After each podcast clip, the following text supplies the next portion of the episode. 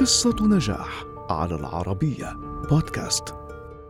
أينما حضرت جعلت الكاميرات تراقب إطلالتها العصرية وحضورها الطاغي فهي ليست فنانة عادية إنها ريس ويذرسبون أيقونة الموضة في هوليوود ونجمتها الاستثنائية مع رصيد وافر من الإنجازات والجوائز الكبرى.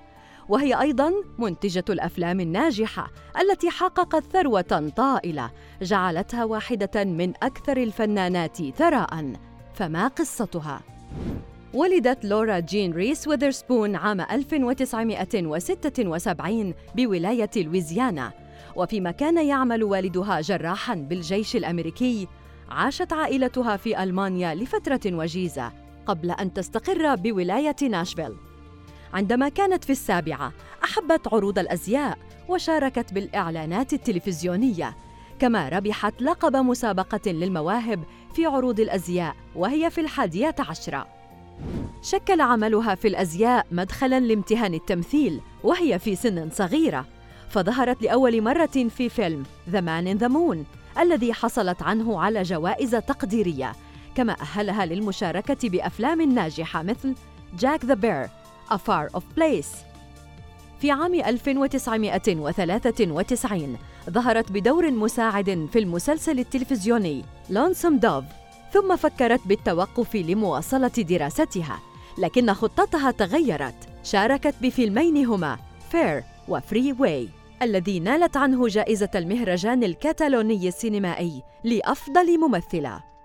بعد النجاحات عادت ريس للجامعة حيث قررت دراسة الأدب الإنجليزي لكن العمل اختطفها مجدداً. في أواخر التسعينيات من القرن الماضي ارتبط اسم ريس بأفلام الكوميديا التي كان من أهمها Legally Blonde حيث لعبت دور فتاة تحاول استعادة صديقها السابق من خلال الحصول على درجة الدكتوراه في القانون من كلية الحقوق بجامعة هارفارد.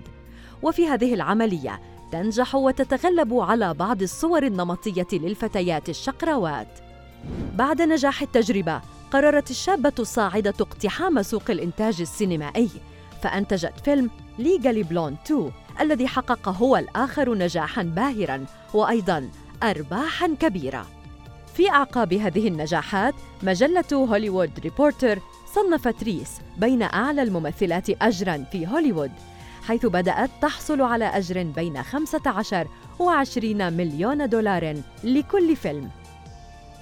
في عام 2006 حصلت ريس على جائزة الأوسكار كأفضل ممثلة عن دورها في فيلم Walk the Line الذي يقدم السيرة الذاتية لجوني كاش كما رشحت في عام 2008 للقب مرة أخرى عن دورها في فيلم Four Christmases في ذلك العام كانت ريس تواجه تحديات كبرى بحياتها الشخصية قبل أن تنفصل عن زوجها رايان فيليبي الذي شكلت معه لسنوات ثنائيا استثنائيا في هوليوود وأنجبت منه ابنا وابنة رغم التخبط الذي مرت به ريس إثر هذه الأزمة أصرت على المضي قدما بنجاحاتها فظهرت بالعديد من الأعمال الناجحة مثل How Do You Know؟